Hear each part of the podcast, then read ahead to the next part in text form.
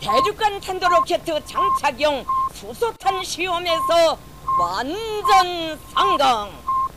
Atomprogrammet på 440 Hz. Science is interesting, and if you don't agree, you can fuck off. Mit navn er Flemming Sørensen, og det her er Atomprogrammet. Jeg har en dejlig masse nyheder med til dig. 168 millioner år gamle dinosaurfodspor fundet i grotte. Og øh, jeg kan så indskyde, de er faktisk ikke fundet på gulvet, de er fundet i loftet. Yes. Usædvanligt syn i Nationalpark. Løver flyder på vejen. Havskildpadder stortrives under coronakrisen. Smeltende gletsjer i Norge afslører skjulte vikingehandelsrute og oldgamle artefakter. Hvor blev planeten af? Astronomer gør vildt fund. Ekstremt regnvejr kan være skyld i dramatisk vulkanudbrud. Planeter danser i sjælden symfoni. Og så skal vi selvfølgelig have ugens opdatering fra NASA. På ekstrabladet fandt jeg 168 millioner år gamle dinosaurfodspor fundet i grotte. Et fodaftryk på 1,25 meter er fundet i en grotte i Frankrig. Aftrykket stammer fra en af de største dinosaurer, der har levet på jorden. Selvom fodsporet blev fundet i loftet, så er det ikke ens betydende med, at det forhistoriske dyr kunne kravle på vægge og lofter. Det viser bare, at forhistoriske opdagelser findes lige om ørerne på os overalt. Denne opdagelse bevidner det store potentiale, der kan være ved at efterforske i dybe grotter, som til tider kan tilbyde større og bedre bevarede overflader end udendørs stenarealer kan, skrev forskerne bag fundet. I den franske grotte kunne forskerne dokumentere tre forskellige spor fra samme art. Det var forskere fra University of Burgundy Franche Comté, som fandt de omtalte spor helt tilbage i 2015, viser en nyligt udgivet rapport. Sporene er meget velbevaret og menes at være afsat mellem 166 til 168 millioner år siden. De 1,25 meter lange spor vidner om, at de tilhører nogle af de allerstørste dinosaurer. Og det var ikke kun antydninger af de kæmpestore forhistoriske dyr, forskerne fandt. Sporene var så velbevaret, at man kunne se tær, fodpuder og klør. Det er slået fast, at sporene stammer fra arten Sauropod, som er en stor planteædende dinosaur med lang hals og en lang hale. Selvom man har fastlagt, hvilken art fossilerne stammer fra, er det ikke afgjort, hvilken underart de stammer fra. Selvom forskerne ved universitetet Selvom en forsker ved University of Burgundy Franche kom til ved navn Jean David Moret mener, at det faktisk kan være således, at det er en endnu ukendt underart, så er der andre tegn, der tyder på, at de stammer fra underarten Titanosaur, som kunne blive 37 meter lang. Saurutter og underarterne er de tungeste og længste landdyr nogensinde. Dengang dinosaurerne afsatte sporene for 166 til 168 millioner år siden, gik de langs den franske kystlinje – Dengang var grotten ikke 500 meter under jorden, men var en del af jordens overflade. Du kan selvfølgelig finde et link til artiklen i show notes, og i artiklen er der også et billede af de her gigantiske fodspor i grotten. Jeg har været en tur forbi BT, hvor jeg fandt usædvanligt syn i Nationalpark. Løver flyder på vejen. Og det er altså ikke flyder, som i når noget flyder på vand. Det er flyder, som i når nogen de har smidt noget fra sig og ikke ryddet op efter sig. Løver, der ligger midt ude på en vej og tager en lur, er et noget sjældent syn.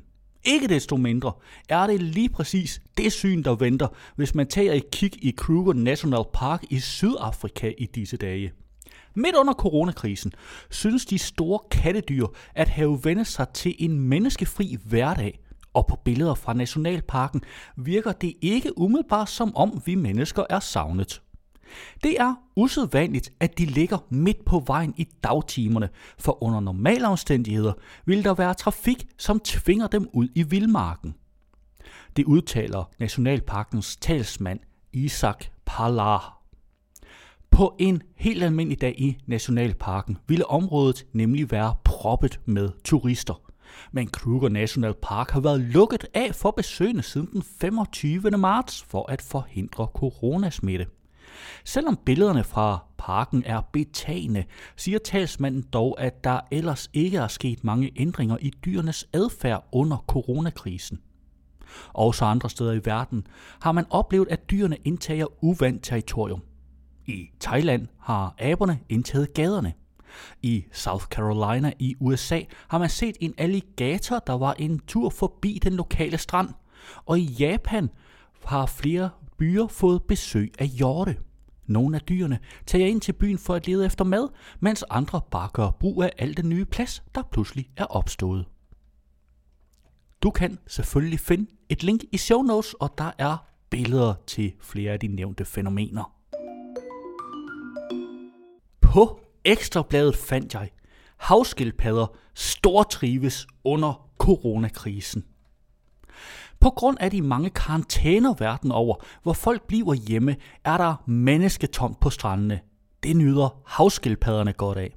Ifølge Sarah Hirk, der er forskningschef på Marinecentret Loggerhead i Florida, USA, får havskildpadderne endelig ro til at ligge æg på strandene.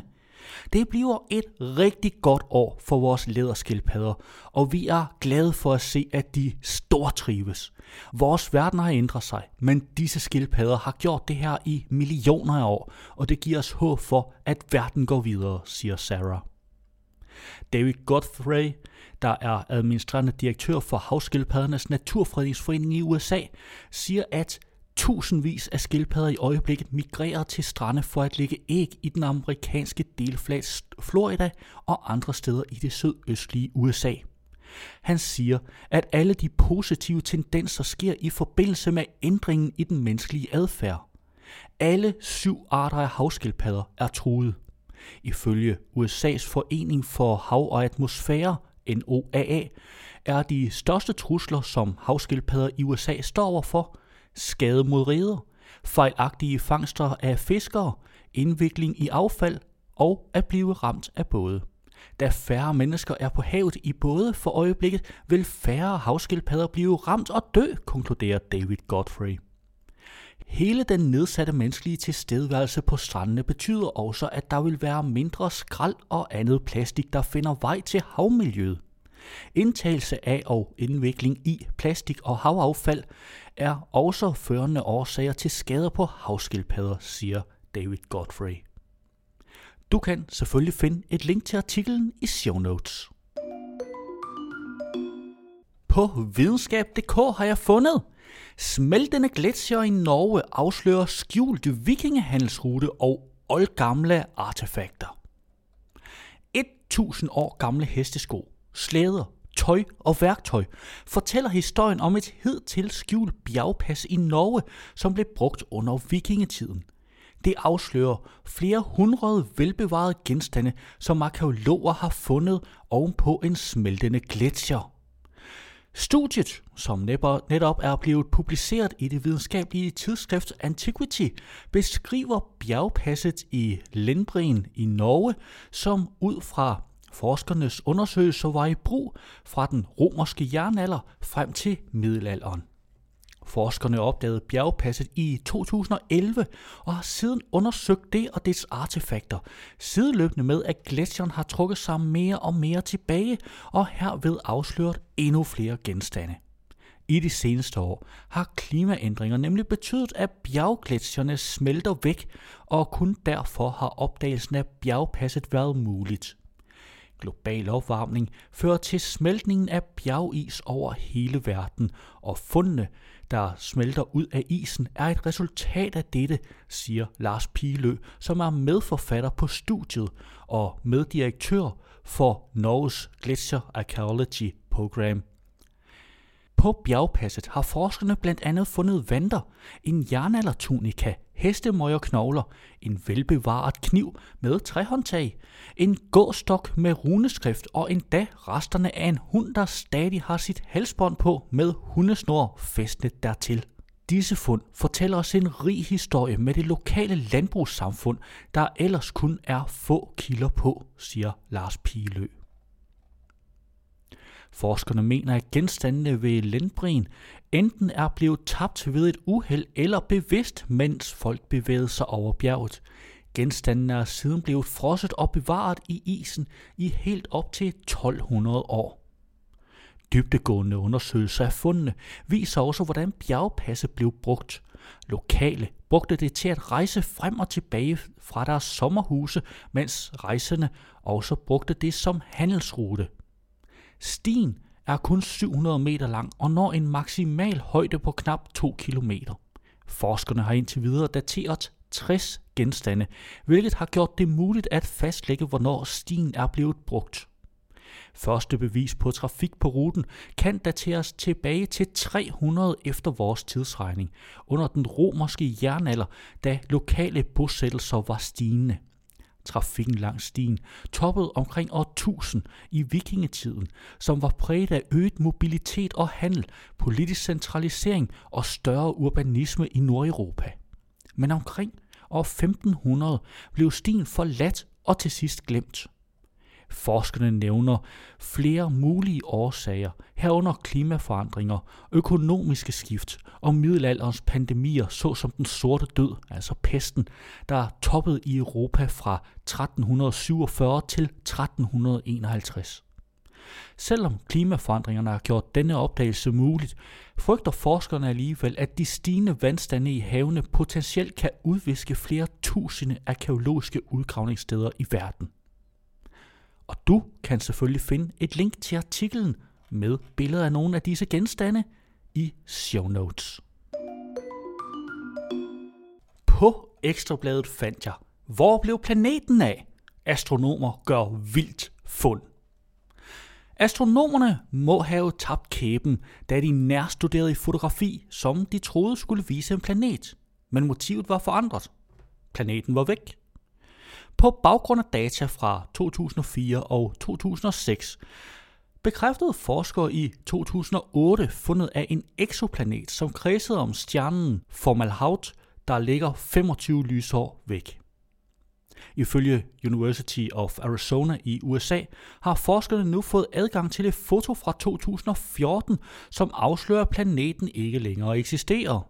Men målløsheden blev nok hurtigt afløst af begejstring. Det viser sig nemlig, at der sandsynligvis er tale om et endnu vildere rumfænomen. Spøgelsesplaneten har nemlig til synlædende vist sig at være en kæmpemæssig sky af støvpartikler fra en gigantisk kosmisk kollision. Det vurderer to forskere fra University of Arizona. Et syn, der ifølge University of Arizona hører til sjældenhederne. En kollision i et andet solsystem oplever man nemlig kun med 200.000 års mellemrum. Kollisioner som denne er ekstremt sjældne.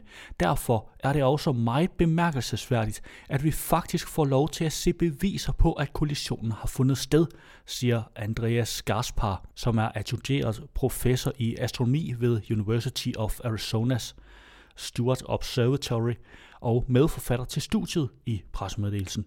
Kollisionen er sket ikke så længe før forskerne gjorde den første observation i 2004, mener forskerne.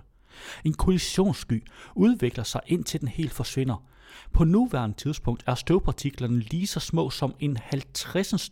del af et hårstrå, hvilket er for småt til at NASA's Hubble Space Telescope kan fange det, skriver University of Arizona i pressemeddelelsen. Studiet er udgivet i det videnskabelige tidsskrift Proceedings of the National Academy of Science. Og du kan selvfølgelig finde et link til artiklen i show notes, og der er også en illustration. På Ekstrabladet har jeg fundet, ekstremt regnvejr kan være skyld i dramatisk vulkanudbrud. I 1983 gik vulkanen Kilauea i udbrud. I 35 år, helt frem til 2018, slyngede den magma ud, og det gør vulkanudbruddet til et af de længste i århundreder. Da Kilaus fes ud i 2018, skete det med et bemærkelsesværdigt stort brag, der dækkede 35 kvadratkilometer på Hawaiis største ø, Big Island, med lava. Den store afslutningssalut har været et mysterium for videnskaben, men nu knytter et nyt studie i tidsskriftet Nature braget til flere måneders ekstremt regnvejr på Hawaii. Regnvejret nåede helt op på 1,26 meters nedbør på døgn, da det var værst, hvilket ikke bare er rekord på Hawaii, men i hele USA. Overfladen på vulkanen består af porøse sten, som regnen let kan sive ned igennem, hvilket har gjort det muligt for en stor del af det ekstreme regnvejr at nå dybt ned i vulkanen. Når det sker, kan væsken skabe et forhøjet tryk i klippens tomrum, altså sprækkerne og hulrummene, forklarer en af forskerne bag, Jamie Farquharson, der er postdoc og vulkanolog ved University of Miami. Trykket fra væsken kan have skabt nye udbrud i vulkanen, der kan have gjort det muligt for den underjordiske magma at finde nye veje op igennem vulkanen, hvilket i sidste ende kan have fremprovokeret det gigantiske udbrud i 2018. Det sandsynliggør han og forskerholdet i en række modeller. I studiet fremhæves det også, at omkring 60% af Kilaus tidligere udbrud er sket under regnsæsonen på Hawaii. En udefra kommende geolog fra University of California stiller dog spørgsmålstegn ved hypotesen i en kommentar i Nature. Det er usikkert om trykket fra væsken har trigget udbrud, skriver han. Vi er kun lige ved at begynde at forstå den slags interaktioner, altså regnværs betydning for vulkanudbrud, påpeger Michael Manga, der er professor i geologi ved University of California i sin kommentar i Nature. Du kan selvfølgelig finde et link i show notes, og der er også en masse links til relaterede artikler. På Ekstrabladet fandt jeg, planeter danser i sjældent smuk symfoni. Gennem tiden har vi opdaget hundredvis af stjerner med flere omkredsende planeter rundt om i vores galakse. Hvert system er unikt, men et bestemt planetsystem, der kredser om stjernen HD 158259, i en afstand af 88 lysår fra jorden, skiller sig alligevel lidt mere ud end de andre. Omkring stjernen, der er lidt større end solen, kredser seks planeter. Efter at have fulgt stjernen i syv år, har astronomer nu opdaget, at alle de seks planeter kredser om HD 158259 i en næsten perfekt baneresonans. Baneresonans betyder, at kredsløbet mellem to lamer og det objekt, det kredser om, er tæt forbundne. I vores eget solsystem er det meget sjældent, at dette fænomen finder sted mellem planeter, og det bedste eksempel er nok Pluto og Neptun. De to legemer har, hvad man kalder to tredjedele baneresonans. For hver to omgange Pluto tager om solen, tager Neptun tre. Det er som to sekvenser af et stykke musik, der spilles samtidig, hvor den ene sekvens har to takter, mens den anden har tre baneresonans er også blevet identificeret i eksoplaneter, der er planeter uden for vores solsystem. Men det særlige ved HD 158259 er, at alle de planeter, der kredser om den, er i næsten perfekt 3-2-resonans med den næste planet i rækken, hvis man starter fra midten og bevæger sig ud af. Det betyder, at for hver tre omgange hver planet tager, så tager den næste planet i rækken to omgange. Ved hjælp af analyser af lysforhold og målinger fra TESS-rumteleskopet er det lykkedes et internationalt hold, ledet af forskere fra University of Geneva i Schweiz, at udregne planeternes præcise kredsløb. Og ifølge forskerne bag tyder den meget systematiske baneresonans på, at planeterne ikke har dannet sig der, hvor vi ser dem i dag. Den her slags systemer menes at være dannet langt fra stjernen, før de migrerer mod den. I det her scenarie spiller resonansen en vigtig rolle, siger Stefan Audrey, der er professor i astronomi ved University of Geneva. Resonansen menes nemlig at være resultatet, når unge planeter i udkanten af den såkaldte protoplanetare skive vokser og migrerer indad. Det skaber en kæde af baneresonans gennem hele systemet. Du kan selvfølgelig finde et link til artiklen i show notes.